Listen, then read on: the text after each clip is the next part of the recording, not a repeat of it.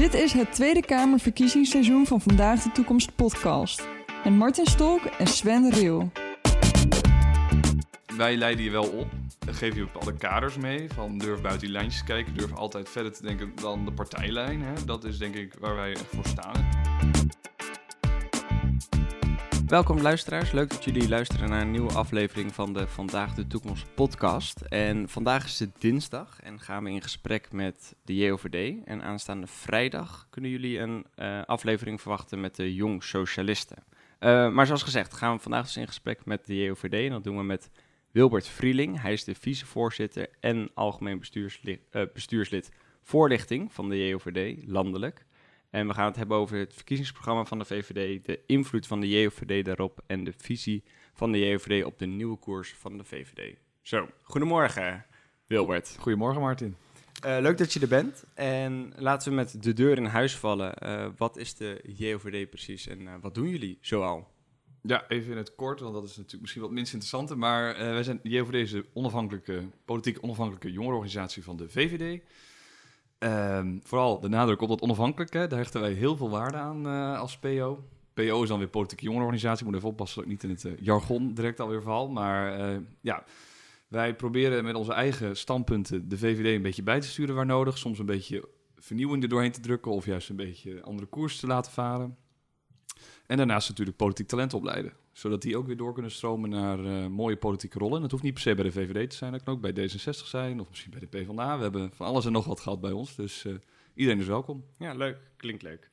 Nou, laten we dan inderdaad doorgaan naar het interessante gedeelte van deze podcast. En de eerste vraag, en dat is wel in het algemeen. Um, maar hoe kijkt de JOVD aan uh, tegen de afgelopen tien jaar VVD? Of tien jaar Rutte? Tien jaar Rutte, ja. Dat is alweer zo'n hele mooie sturende vraag natuurlijk. Hè? Want ik kan natuurlijk ook gewoon zeggen, tien, afgelopen tien jaar uh, de kabinetten. Maar inderdaad, VVD. Ja, ik denk dat er, ja, als ik een beetje over nadenk, dus in die tien jaar best wel veel gebeurd. Toen ik de vraag voor het eerst hoorde, dacht ik echt van, nou, wat uh, zou je daarover kunnen zeggen? Maar als je dan toch een beetje weer gaat zoeken, dan kom je toch wel wat interessante dingen tegen. Dan denk je ook wel van, nou, dat is best knap gedaan eigenlijk. Um, ook dingen natuurlijk die minder zijn gegaan. Maar ik denk, wat de rode lijn een beetje is natuurlijk vooral een een beetje pech misschien. Of pech, nou ja, veel crisissen. Dus we begonnen natuurlijk toen in 2010. Hè, toen was vooral het slogan van uh, puinruimen. Uh, dan moeten we flink bezuinigd gaan worden. Uh, dat was natuurlijk midden in die eurocrisis, de ja. economische crisis. En dat ging eigenlijk al gauw de eerste jaren alleen maar bezuinigen, bezuinigen, bezuinigen. Vooral Rutte 1 was daar heel goed en Rutte 2 ook wel. En maar je zag vooral in Rutte 2 denk ik ook heel veel veranderingen die daarbij gepaard gingen. Want er moest echt keuzes gemaakt worden over hoe kunnen wij nou de, onze verzorgingsstaat betaalbaar houden. En ik denk dat daar hele belangrijke dingen bijvoorbeeld in zijn geweest zijn bijvoorbeeld de verhoging van de pensioenleeftijd, is bijvoorbeeld een hele interessante. Het, uh, het, introduceren van de term participatiesamenleving was natuurlijk ook iets uh, wat vooral de zorg van toepassing was, want die heeft natuurlijk ook uh, behoorlijk wat in moeten leveren. Dus eigenlijk allemaal hele nieuwe concepten hoe je door minder geld eigenlijk bepaalde onderwerpen moest gaan behandelen. Dus ehm, uh, dus zoals ik al zei, zorg, participatiesamenleving, pensioenverhogende leeftijd, maar ook het onderwijs natuurlijk voor jongeren interessant. Leenstelsel is ingevoerd, hè, de basisbeurs afgeschaft en het leenstelsel is ingevoerd. Heeft natuurlijk ook behoorlijk wat losgemaakt. En hoe, hoe kijkt de JOVD daar tegenaan dan? Ja, wij, zijn, wij hebben altijd de ondankbare taak om dat nog een beetje te gaan verdedigen. Ik uh, ben er zelf ook echt heel erg voorstander van, omdat ja, je ziet toch wel, waarom heb je het ooit ingevoerd? Nou, die basisbeurs was op een gegeven moment gewoon niet te, betalen. Heel veel mensen gingen studeren en nog steeds gaan heel veel mensen studeren. Neemt nog steeds toe, ondanks het leenstelsel, want iedereen zegt, iedereen is bang om te lenen. Maar je ziet zoveel meer mensen studeren en dan kan je niet constant iedereen maar gratis geld blijven geven. Kijk, vroeger was studeren natuurlijk meer voor een wat kleinere groep. En dan kon je zeggen, oké, hier krijg je wat budget om van te leven jezelf te ontplooien. Maar als die groep zo groot is, dan kan je dat niet meer blijven betalen. En om toch dan te zorgen dat het onderwijs ook kwaliteitsimpulsen krijgt, moet je dan een sociaal leenstelsel invoeren. En ik denk dat, we, dat het veilig is om te zeggen dat het uh, leenstelsel alsnog wel gaat verdwijnen en dat de basisbeurs terug gaat komen. Um, wat vind je daarvan? Is dat jammer, maar oké? Of vind je toch dat de VVD zich daar wel heel sterk voor moet gaan maken om dat zo lang mogelijk bijvoorbeeld uit te stellen? Ja, ik vind het zelf nog wel een lastige. Mijn eerste reactie zou zeggen, hou, probeer het vast te houden, omdat ik zelf nog niet een redelijk alternatief zie. Kijk, mensen zeggen nu heel makkelijk de basisbeurs invoeren, maar ja, of dat echt gaat gebeuren, weet ik niet. Of echt die traditionele oude basisbeurs, of dat financieel haalbaar is, weet ik niet. Dus ik vind het nu moeilijk om te zeggen, omdat ik niet een concreet alternatief heb van oké, dit kan, waardoor je ook nog steeds goed onderwijs hebt in de toekomst, dat iedereen kan gaan studeren. En dat het überhaupt gewoon financieel haalbaar is. Want je ziet, uh, nou ja, voor de coronacrisis natuurlijk, Malieveld stond vaker vol dan leeg. Hè? Iedereen wilde geld bij hebben. de boeren, de zorg, het onderwijs, eh, dan de leraren bedoel ik dan specifiek nu. Dus ja, als jij mij een goed alternatief kan bieden, dan wil ik natuurlijk daar zeker over nadenken. Maar ik zie hem nog niet, dus daarom zou ik zeggen, probeer aan het leenstelsel vast te houden. Ja, duidelijk. Ehm, zometeen gaan we het hebben over de nieuwe koers van de VVD, zoals gezegd. Maar kun je, ehm, als je terugkijkt naar de afgelopen tien jaar, hoe vind je dan dat eh, de koers, en dan bedoel ik de, liberale koers van de VVD, ehm, hoe kijk je daar tegenaan? Vond je dat te liberaal? Mocht dat wel wat liberaler? Mocht het wel wat progressiever? Nou, het kan altijd liberaler, denk ik. Dat sowieso. Kijk, nadeel is in Nederland dat we... Nou ja, misschien nadeel. Het is ook wel een voordeel, moet ik zeggen, hoor. Dat we coalitieland zijn natuurlijk. Hè. Dus eh, je zag Rutte wat rechtser kabinet. Misschien had je daar wat meer de kans om je idealen wat eh, te verwezenlijken. Nou ja, daarna met de PvdA misschien wel de tegenpol hè, op dat moment. Maar wel de logische keuze, denk ik. Kabinet waar rechts Nederlands zijn eh, vingers bij aflikt. Ja, dat was Rutte 1. Ja, ja, ja. Nee, dat was eh, zeker ook een hele leuke documentaire laatst over geweest. Het gedoogdrama, ook een eh, aanrader. Eh, Rutte 2 dus eh, echt te- twee tegenpolen. En Ja. dan eh, nu eigenlijk ook een soort van mix van christelijk-liberaal. Eh, ja, het is gewoon heel lastig, denk ik. En je moet constant eh, afweging maken van wat eh, moeten we nou erdoor drukken en wat niet. En ja, als ik kijk de afgelopen tien jaar, ik denk dat er wel gewoon... Ik denk wat het belangrijkste is, dat ik denk ik wat het belangrijkste is wat gelukt is, is in ieder geval die overheidsfinanciën op orde. Toen in het begin, dat was echt het onderwerp van 2010. Nou, dat is gelukt, denk ik. Hè. Daarom kunnen we nu ook investeren, zonder Ja. dat het direct negatieve effecten heeft. Maar volgens mij is die overheid de afgelopen tien jaar dan niet per se veel kleiner geworden. Nee. En nu wordt ook vooral het woord sterke overheid gebruikt. Nou ja, ik moet zeggen, als... Ja, ik ben al lang... Ik ben niet een zwevende kiezer of zo. Dus ik zit wel in een bepaalde hoek, hè, zoals je wel kan raden.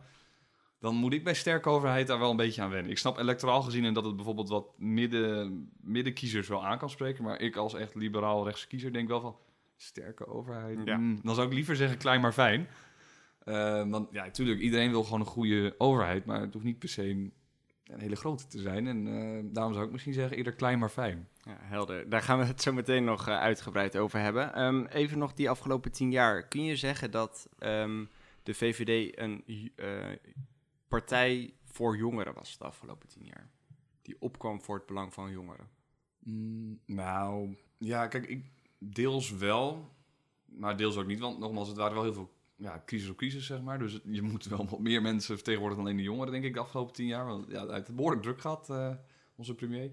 Maar ik denk bijvoorbeeld met de invoering van het leenstelsel. eh VVD spreekt zich natuurlijk ook al heel lang uit voor bouwen, bouwen, bouwen. Hè. Nou, de woningmarkt is natuurlijk ook voor jongeren, of nou ja, in ieder geval de wat oudere jongeren zoals ik, Ja. heel belangrijk. Ehm, dat zijn natuurlijk wel twee issues. De arbeidsmarkt is natuurlijk ook... Of ik daar nou een trend zie waar ik... Nou, dat, dat doorgedraaide flexwerken ben ik minder blij mee. Maar ik merk wel, dat zij willen daar ook mee aan de slag. Ook dat eh, flex minder flex wordt en vast minder vast. Dus dat zijn wel onderwerpen, dat hebben ze wel op de agenda staan... die denk ik voor de wat oudere jongeren heel erg van belang zijn. En ehm, ja, ik denk dat dat main issue echt voor de, de groep daaronder... dat denk ik wat minder. Maar dat is ook niet echt waar de VVD onbekend staat, denk ik. Om echt voor bijvoorbeeld, dan denk ik een beetje aan middelbare schoolbasis. eh Ja. Denk je dat de VVD zich eh, aankomende verkiezingen meer bezighoudt met populair zijn voor jongeren? Aangezien ze iets meer eh, aandacht besteden aan bijvoorbeeld het klimaat, wat zeker bij jongeren wel populair onderwerp is. Mm, ik denk, ik heb het gevoel dat ze dat niet zo doen persoonlijk. Ehm, als ik een beetje dat verkiezingsprogramma, toen ik het las, ik vond het best een goed programma hoor. Dus eh, op mijn persoonlijke titel prima. Maar je kan best wel als kritisch liberaal wel wat denken van, oh, bepaalde economische keuzes vooral, dan zijn ze wel echt iets linkser geworden. In de, in de media werd het echt als een stap naar links gezet. Nou, Mhm. voor mij valt dat ook wel weer mee, maar je zou daar ook andere keuzes kunnen maken. Denk ik, denk bijvoorbeeld dan gewoon aan een primair belastingverlaging. Maar nu kies voor het verhogen van het minimumloon. Daar ben ik, heb ik zelf niks op tegen, maar ik kan me voorstellen dat een liberaal wel zegt van, nou, misschien kan je dat toch anders doen. Ehm, dus ik denk dat zij vooral focussen op nu toch wat meer, ja, wat zij dan noemen de, gewone Nederlander, de middenklasse. Dat is een beetje meer hun doelgroep. Hè? Dus ze proberen wat linkser economisch verhaal, eh, maar toch wat uh, rechtser conservatiever op cultuur, immigratie. En eh, daarmee hopen ze een beetje zo'n eh, CDA-formule te pakken, denk ik. Dat je een beetje zo'n catch-all middenpartij wordt. En dat lijkt nu heel goed uit te pakken. Maar ja, voor denk ik een echte VVD of een echte liberaal, denk je wel van, had ik toch misschien anders gedaan. Want, wa- wat, wat zijn dan die belangrijkste punten als je iets zou moeten noemen wat je anders had gedaan? Nou, ik, zoals ik al zei, verhoging minimumloon. Ja. Dan zou je ook kunnen zeggen, we gaan voor verlaging van inkomstenbelasting. Uh, je zou kunnen zeggen, met bijvoorbeeld wat ik ook heel erg in het oog vond springen, die is er nu gelukkig uitgesloten door de leden van de VVD, maar dat is het referendum.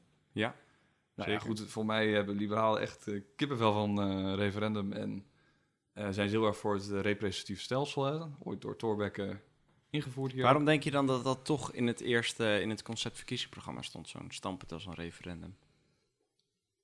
Ja, ik denk dat het, omdat het toch ook wel, je merkt in ieder geval dat daar wel vraag naar is onder bepaalde se- eh, groep in de bevolking. Eh, Je ziet natuurlijk zo'n Forum voor Democratie, die heeft daar best wel wat mee gehaald. En D66 had het natuurlijk vroeger ook, maar die hebben het pijnlijk overboord gegooid. En daar hebben ze voor mij nog steeds last van. Ehm, maar ja, ik denk dat toch een beetje om die groep aan te spreken, maar je zou misschien ook kunnen zeggen, ja, om toch ook meer burgerparticipatie in de politiek. Daar kan niemand op tegen zijn, maar ja, ik zou het zelf nooit via een referendum op nationaal niveau doen. Lokaal kijk ik er weer wat anders tegenaan, maar nationaal niveau. En als je altijd een keuze moet, ja of nee, dan wordt het meestal altijd nee. Dus ja, ik, ik, ik zou dat zelf nooit doen. Kun je zeggen dat de VVD deze verkiezingen echt een beetje heeft gekeken naar van oké, ehm, waar, eh, waar ligt de ruimte voor kiezers? Waar zitten de zwevende kiezers? En misschien dat we inderdaad dan sociaal-economisch een stapje naar links doen, maar dat we ook wel een eh Bente Becker op, ik geloof dat het plek 4 is, op de lijst zetten, om die, eh, zodat die een keihard migratiebeleid kan hebben, zodat we van rechts een beetje grijpen. is, dat, is Ja, dat de methode dat- van de VVD? Echt die catch-all focus, hè? dus proberen een brede volkspartij te zijn. Ehm, dat is in principe niet een trend waar heel veel mis mee is, maar zoals ik al eerder zei, het zijn toch denk ik die traditionele VVD-kiezers die misschien wel even achter de oren krabben en denken van, is dit het nou helemaal? Maar ja, electoraal is natuurlijk een succesformule, hè? want je ziet nu gewoon de linkse partijen bijvoorbeeld, eh, die eigenlijk economisch ook aan de linkerkant staan, maar op cultuur en dus immigratie helemaal progressief zijn, een beetje zijn doorgeslagen misschien, hè? waardoor dat heel erg geminimaliseerd is, denk ik. En de VVD probeert een beetje in dat gat te springen nu en wat van die toch wel iets linksere kiezers te pakken, die economisch wat linkser zijn, dus maar op cultuur en immigratie best wel nog wat conservatiever rechtser zijn. En dat doen ze heel slim. En ik, ik weet ook wel, de VVD doet, baseert heel veel op kiezersonderzoeken. En eh, nou ja, dat werkt dus heel goed electoraal. Maar ik vind het wel, dus zoals ik al zei, wel echt jammer. Want je merkt wel, dit is eigenlijk dat verkiezingsprogramma, het is een goed programma, echt wel. En ik weet ook zeker, als je doorrekent, komen er mooie dingen uit. Maar het is wel al zo regeerakkoordachtig. Hè? Er zitten geen idealen in, weet je wel. Waar Kun je nou wel spreken Wat is die een- liberale toekomst? Ja, precies. Kun je dan wel spreken van een een VVD, eh, een VVD-identiteit? Minder. Het is wel? Je merkt wel, het is iets meer op de macht gefocust van er blijven zitten, proberen zoveel mogelijk zetels te halen. En dat is natuurlijk ook logischerwijze niks mis mee. Ehm, want ik snap ook wel, je wil gewoon de meeste zetels halen. Maar het is natuurlijk wel, denk ik, voor die traditionele VVD-stemmers, denk je wel van, nou, ik mis toch wat mooie liberale principes, zoals die kleine overheid, eh, niet meer zo sterk terugkomen. Hè? En eh, dan denk je wel van, nou waar is die liberale visie gebleven? Waar zijn onze idealen? De, ja, dat, ik denk dat de traditionele stemmers dat lastig vinden. Maar is dat zo dat je dat. Is, is dat zo dat een partij altijd moet streven naar de grootste zijn? Als dat ten koste gaat bijvoorbeeld van je, eh, nou ja, van je identiteit? Moet, moet de VVD niet een keer zeggen: Oké, we hebben tien jaar geregeerd. We slaan eh, vier jaar over en we herpakken onszelf weer. En vanuit daar bouwen we een stevige eigen basis op. Dat zou je kunnen doen, maar ik zou dat dan niet nu doen, want we zitten natuurlijk midden in weer een eh, behoorlijke crisis. En dat doet eh, nu onze premier in ieder geval erg goed. En ben je, ik denk dat de meeste mensen ook wel blij zijn dat daar nu zo iemand zit met zoveel ervaring en die dat doet. Dus ik snap wel dat, dat, dat ze dat nu niet doen, maar je kan niet altijd zo door blijven gaan. Op een gegeven moment gaat dat wel een beetje fout. En dan krijg je bijvoorbeeld een beetje zo'n CDA-syndroom, dat het weer een bestuurderspartij wordt dan echt een partij van idealen. Dus ze moeten het niet uit oog verliezen, laat ik het zo zeggen. Dus je moet wel op een gegeven moment weer denk ik, een andere afweging maken op termijn. Dus misschien de volgende keer. Maar ik snap wel dat je het nu niet doet. Ja, helder. Hoe, ehm, ik hoor je eh, Mark Rutte indirect een, eh, een compliment geven eigenlijk. Hoe kijkt de JOVD aan tegen Mark Rutte? Is dat ehm, de persoon, vindt de JOVD dat Mark Rutte de persoon is om de VVD te vertegenwoordigen? Hij is de oude landelijk voorzitter, dus ehm, hij staat er natuurlijk bij ons heel goed op. Dus dat kan ik niet ontkennen. Ehm, ja, ik denk dat we daar heel blij mee mogen zijn. Ik, ik vind het ook fijn om bijvoorbeeld te zien dat je, als je wat langer er zit, dan kan je ook veel meer voor elkaar krijgen. Volgens mij bijvoorbeeld Europees niveau geniet hij aanzienlijk aanzien. Als je daar, dan gaat het echt meer wat om anciëniteit, zeg maar. Dat je daar gewoon wat lang- langer rondloopt en de Ja. regels kent. En dat is denk ik altijd goed meegenomen. Zeker nu de Britten natuurlijk uit de Europese Unie zijn, wat altijd een hele belangrijke partner was voor Nederland. Is het goed dat je daar nu zo'n ervaren man hebt zitten die gewoon goed met Duitsland en Frankrijk overweg kan. Die zo aan kan kloppen bij Berlijn van mag ik even langskomen en zo bij Parijs even langs kan komen. Ja, helder. Ehm, wij hebben ook onze luisteraars een, een paar vragen gesteld die zij wilden, wilden stellen aan de JOVD. En een daarvan, ehm, eh, nou daar hadden we het net over. Iemand die vroeg, ik ben benieuwd wat de JOVD vindt van de stelling dat de VVD verloren zou zijn zonder Mark Rutte. Aangezien dit regelmatig terugkeert in de media als kritiek op de VVD. Ja. Hoe- ja, die zin heb ik ook. Mensen zeggen ook al, wat gebeurt als Mark Rutte onder de tram komt? Ja, dat, dat, dat, dat eh, kan een probleem worden inderdaad. Je merkt wel van, als hij er niet is, dan is er heel lang niks, zeg maar. Dat is wel echt een probleem. Als ik reflecteer op de afgelopen tien jaar, dan schiet mij niet per se een bepaalde minister echt in het oog van, die heeft er ook heel goed gedaan. Ik denk Ja. dat enige, enige die me omkomt is Schippers. Edith Schippers. Nou ja, goed, die, eh, die is er nu niet meer, dus dat is heel jammer. Ja, en Stef Blok misschien, maar die heeft natuurlijk nooit de ehm, ambities gehad of de persoonlijkheid gehad om premier te worden. Maar die was, denk ik, als minister wel, of is als minister wel heel goed. Ja, maar het is niet. Ik, ik, altijd als ik over die tien jaar nadenk, dan vallen bijvoorbeeld ministers van andere partijen mij meer oog. Denk aan een Dijsselbloem bijvoorbeeld. Eh, die was ook bijvoorbeeld, had ook veel aanzien in Europa, maar was ook gewoon het kabinet goed, goed bezig. Nou ja, nu, uh, Wolkoeks was natuurlijk ook een gedegen concurrent. Dus eh, het zijn altijd een beetje die andere ministers die wat beter de show weten te stelen, vind ik, dan de VVD-ministers. Natuurlijk heb je ook helaas wel eens eentje die aftreedt. Dat is ook heel jammer. En dat, dat, dat zijn ook nog die elementen dat ik denk van, nou... Echt heel jammer dat er dan van die websites in de lucht zijn wanneer ze weer een VVD Precies, opstapt. ja, Eh, ja, dat zijn hele pijnlijke momenten. Dan denk ik wel van, ja, hoe kan het nou dat de grootste partij van Nederland eigenlijk lijkt een beetje zo'n kleine pool te hebben waar ze in kunnen vissen om nieuw talent te halen? Dat, dat is wel werk aan de winkel, denk ik. Ja, denk je dat ze nu met, eh, dit, met deze lijst, met deze kieslijst, wel bezig zijn om nieuwe mensen op te leiden tot een potentieel eh lijsttrekkerkandidaat? Mm, Bijvoorbeeld een Bente Becker of een uh. Er staan zeker interessante mensen op. Waar ik mezelf, of in ieder geval waar we over ook wel een beetje zorgen over maken, wat we heel erg zagen. Ehm, het programma draagt uit van wij willen de wederopbouw van de middenklasse. Maar je ziet eigenlijk op de lijst vooral ehm, ja, jong, of sta ik even onder jong, begin dertigers. Allemaal hoog opgeleid, vooral primair werkzaam bij de overheid. En ook een beetje met een VVD-achtergrond. En dan denk ik wel is dit the way to go? Als je, brede, je wil wel een brede volkspartij zijn. Je zegt die middenklasse onze doelgroep. Waar zijn dan die ondernemers, de mensen gewoon uit de maatschappij, zeg maar, de supermarkthouder of Ja. de bakker, eh, ik noem maar wat. Ehm, ik, weet, ik erken wel, die moet je wel even een beetje politiek polijsten, zeg maar. Je kan niet er even iemand random uit het veld trekken en eh, gaan we even de politiek in. Dat moet je zeker niet doen, maar ja, ik, had, ik hoop wel dat de blik wat breder wordt dan alleen, zeg maar, een beetje het VVD-klasje, zeg maar. Het moet wel, we moeten ook goed blijven kijken naar buiten van waar zijn interessante mensen in de maatschappij en die dan in een klasje stoppen en dan die ook opleiden tot eh, de politicus van morgen. Ja, helder. Ehm, even door naar het verkiezingsprogramma. als, de, als jij eh, namens de JOVD drie belangrijke onderwerpen moet noemen waar de JOVD fundamenteel afwijkt van de stellingname van de VVD, welke drie onderwerpen komen dan gelijk bij je naar boven? Fundamenteel klinkt wel ook wel heel stevig, maar ja, we hebben natuurlijk best wel wat dingetjes waar we wel van verschillen. En dat zijn denk ik, de- als ik even zo drie kan noemen, dan is dat denk ik drugs. Uh, softdrugs. Ja, wij, wij zijn voor legalisering. Hebben we Ja. ook geprobeerd bij het congres, hebben we dat geprobeerd ook een beetje te ondersteunen, het amendement dat daarvoor ingediend is. Ehm, wij zijn medisch-ethisch gaan we meestal iets verder dan de VVD. VVD maakt daar wel meestal een vrije keuzeruimte in, dat Kamerleden zelf mogen bepalen wat ze daarin willen doen. Van Ja. wel. Maar wij zeggen wel van bijvoorbeeld voltooid leven zouden wij meer voor openstaan dan bijvoorbeeld nu al de VVD, denk ik. En dus ja, democratie noem ik dat eventjes makkelijk, maar staatsinrichting, dus eh, bepaalde staatsrechtelijke hervormingen. Ik merk wel, VVD heeft daar nu wat stappen in gezet, bijvoorbeeld door met de Eerste Kamer willen ze bijvoorbeeld gaan hervormen, dat een beetje wat Amerikaanse model een beetje wordt, dat je dus om de paar jaar dus een beetje van die tussenverkiezingen hebt, dus dat je een deel verkiest, en daar zijn wij ook voorstander van, maar ja, zij gaan dus met dat referendum kwamen ze aanzetten, dat vinden we helemaal niks, maar wij zeggen ook bijvoorbeeld, kijk naar een ander kiesstelsel. Eh, wij zijn heel erg voorstander van het Duitse model, dus dat je dan twee stemmen hebt op een kandidaat en op een partij, zodat je dan ook wat meer die band hebt met je volksvertegenwoordiger, want je merkt dat ontbreekt nog wel eens in Nederland. hè. Dus- een lokale vertegenwoordiger dan eigenlijk. ja, want je ziet wel eens op lijsten staan dat iemand bijvoorbeeld 40 stemmen heeft, maar wel in de Kamer zit. Ja, Ja, dat is natuurlijk een beetje krom soms. Eh, en zeker als, het om, eh, als iemand fractie uitgaat, dan is het al helemaal krom natuurlijk. Dus wij zeggen ook van, probeer wat meer met die lokale vertegenwoordiging inderdaad, dat je ook met districten gaat werken, maar ook nog steeds het element hebt van die evenredige vertegenwoordiging, dat ook kleine groepen vertegenwoordigd zijn.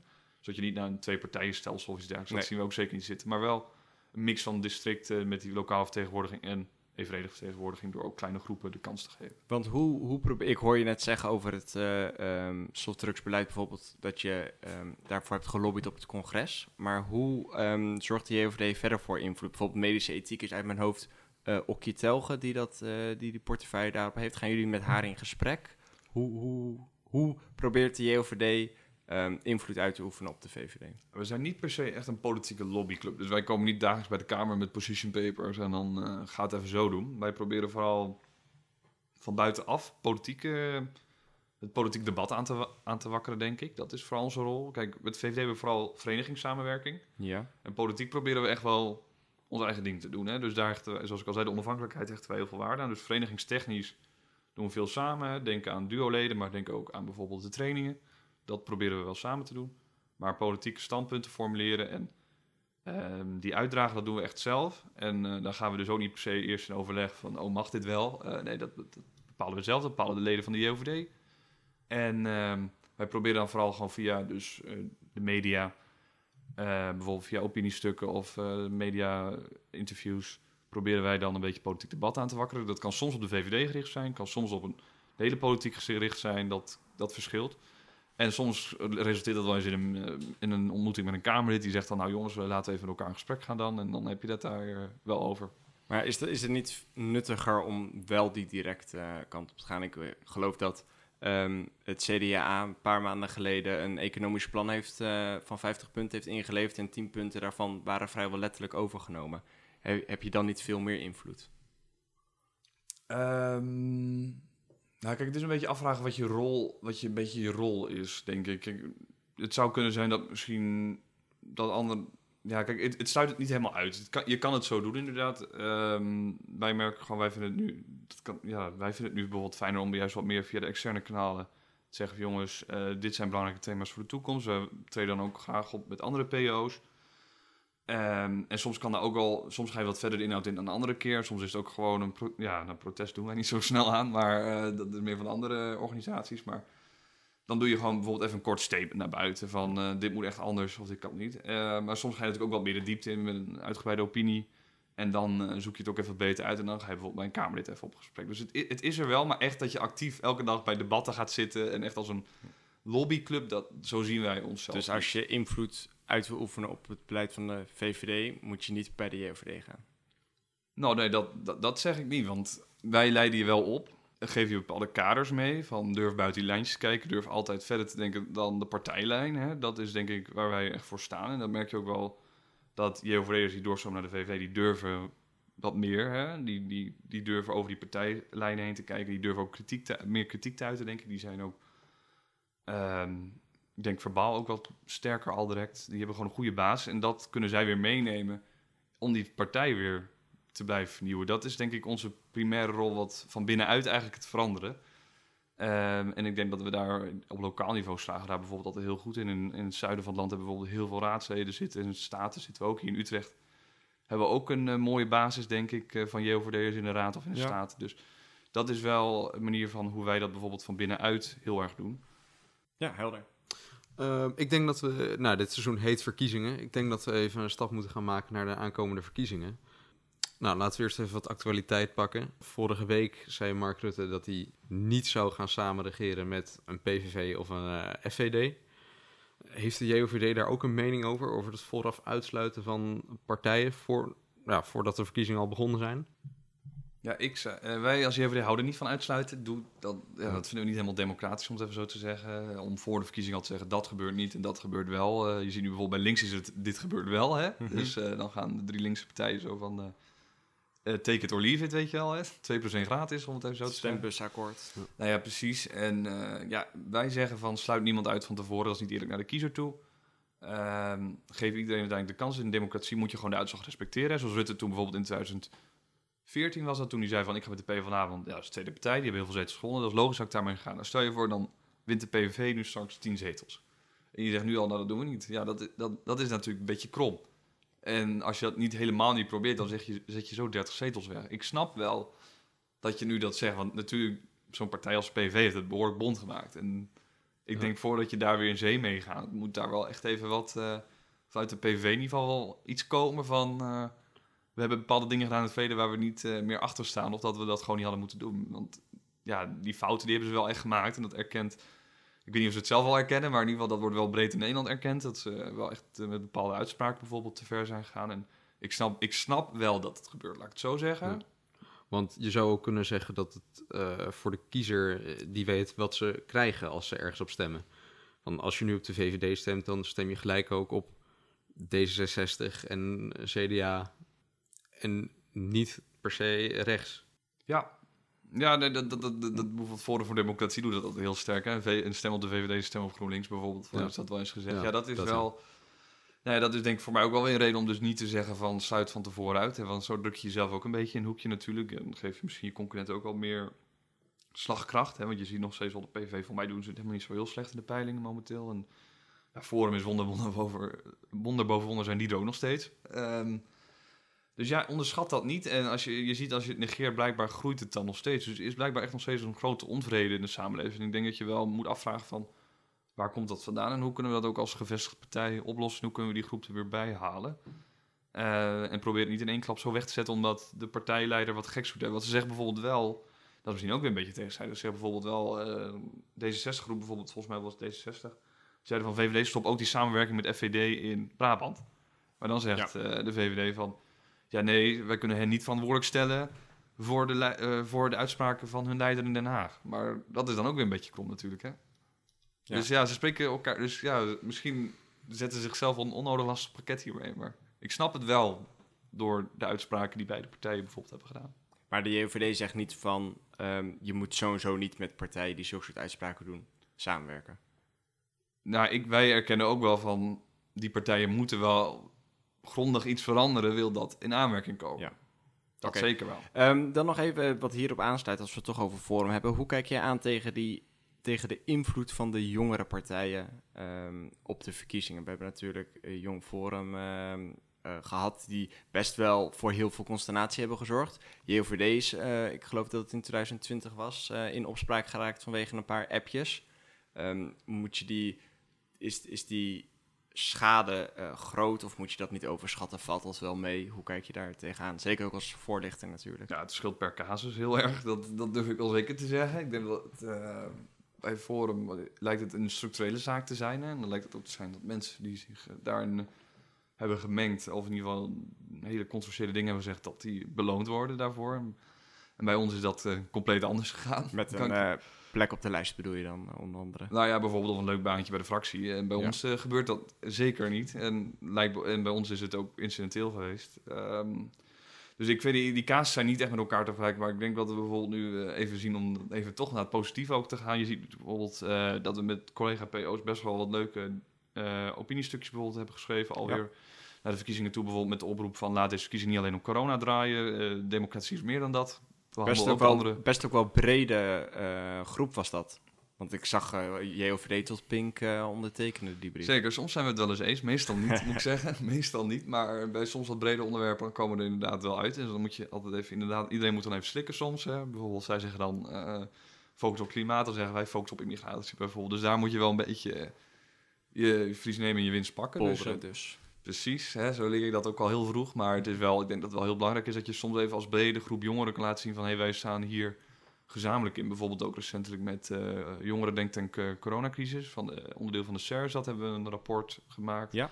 En die uitgereikt aan eh, eh, Mark Rutte. Dus dat zijn mooie initiatieven, denk ik. Dat we ook laten zien als jongeren van... We hebben het nu zwaar in deze crisis, maar we pakken wel die handschoenen op van de politiek. En toen Rutte die oproep deed van... Doe vooral mee, praat mee, Ja. denk mee. En dat eh, denk ik dat we dat heel goed doen met z'n allen. Mooi. Eh, ik denk dat we richting eh, de laatste vraag gaan. Ja. Eh, ga je gang. Ja, ik, ga- ik ga hem even stellen.